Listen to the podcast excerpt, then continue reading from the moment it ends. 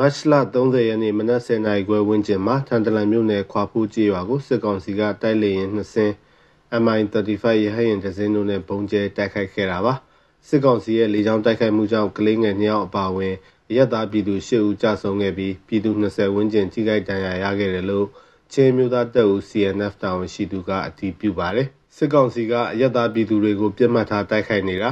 လူမျိုးရေးဘာသာရေးကိုပါမငဲ့ကွက်ပဲလူမျိုးလုံးတပ်ဖြတ်မှုအသွင်ဆောင်နေတာတွေကို နိုင်ငံတကာကအချိန်သတ်မှတ်ချက်အတိအကျနဲ့အရေးယူအကူအညီပေးဖို့ CNF တာဝန်ရှိသူကမြစ်တာရက်ခံလိုက်ပါတယ်ထန်တလန်မြို့နယ်ခေါ်ဖူကျေးရွာပေါ်ပါဒီမှာစစ်ကောင်စီကနေမှာ Jet Fighter နှစ်စီးနဲ့ MI35 တစ်စီးနဲ့ဘုံကျဲတိုက်ခိုက်သွားတာပေါ့ အဲ့ဒီမှာရသပြည်သူရှိဘူးတေဆုံးပြီးတော့ကလေးညပါဝင်ပေါ့ပြီးတော့တန်ရာရက10ရောက်ကျော်20နီးပါးတန်ရာရရှိခဲ့တယ်ပေါ့စစ်ကောင်စီရဲ့လုပ်ရက်ကပြည့်မဲ့ပြည်သူကိုမတရားအကြမ်းဖက်ရက်ဆက်ပြီးတော့လာရောက်ပြစ်ခတ်တော့တာဖြစ်တယ်ကျွန်တော်တို့ချင်းတောင်ကစစ်ကူချူရေးကျင်းရထားတာဖြစ်တယ်ချင်းပြည်နယ်ဟာမြန်မာနိုင်ငံမှာစင်းရဲဆုံးပြည်နယ်လူဦးရေရလည်းအင်မတန်မှနေပါတဲ့ချင်းလူမျိုးတွေဖြစ်တယ်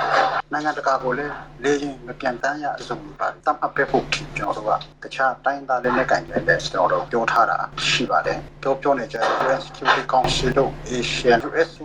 လုပ်နေတာဟာကျွန်တော်တို့ကအင်မတန်မှကြိုဆိုတယ်ဒါပေမဲ့ time frame အတိအကျအများဆုံးအကောင့်ထဲပေါ်နိုင်ရေးကိုတော့ကျွန်တော်တို့လုပ်ချင်တယ်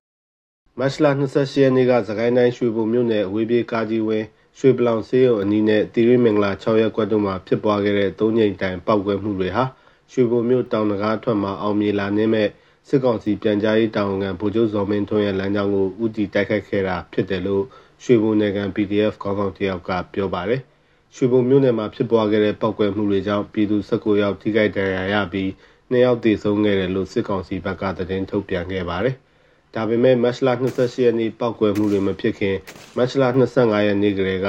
စကိုင်းမုံရွာလမ်းစကိုင်းရွှေဘိုလမ်းတွေကိုပြည်သူတွေအသုံးမပြုဖို့နဲ့လူစုလူဝေးမပြုလုပ်ဖို့ဒေသခံ PDF ပူးပေါင်းအဖွဲ့တွေကကြိုတင်မြစ်တာရက်ခံချက်ထုတ်ပြန်ခဲ့တာကိုလည်းတွေ့ရပါတယ်။ရွှေဘူပောက်ကွယ်မှုတွေမှာ PDF တွေရဲ့လုပ်ရကြောင်းအပြစ်မဲ့ပြည်သူတွေတေဆုံးခဲ့တယ်လို့စစ်ကောင်စီကဆွဆွဲသလို PDF တွေဘက်ကလည်းတေဆုံးခဲ့တာတာမန်ရက်သားပြည်သူတွေမဟုတ်ပဲစစ်ကောင်စီနောက်မီဆွဲတွေသာဖြစ်တယ်လို့တုံ့ပြန်တာကိုတွေ့ရပါတယ် တောင်တကားအတွက်ဆိုတောင်တကားဆိုအောင်မြေပေါ့အောင်မြေဘက်ကိုဇော်မဲလုံးလာမယ်လို့သတင်းရတယ်သတင်းရတဲ့အခါကျတော့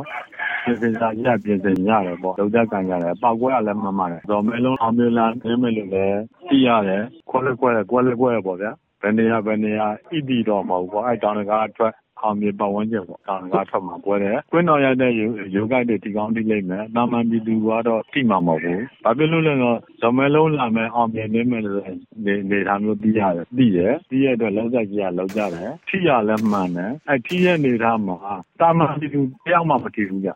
နောက်မြောက်တိုင်းစစ်ဒေသချင်းစကိုင်းမကွေးကိုစစ်ကောင်စီကအလွန်ကျွံအင်အားသုံးပြီးနေမြေထိန်းချုပ်ဖို့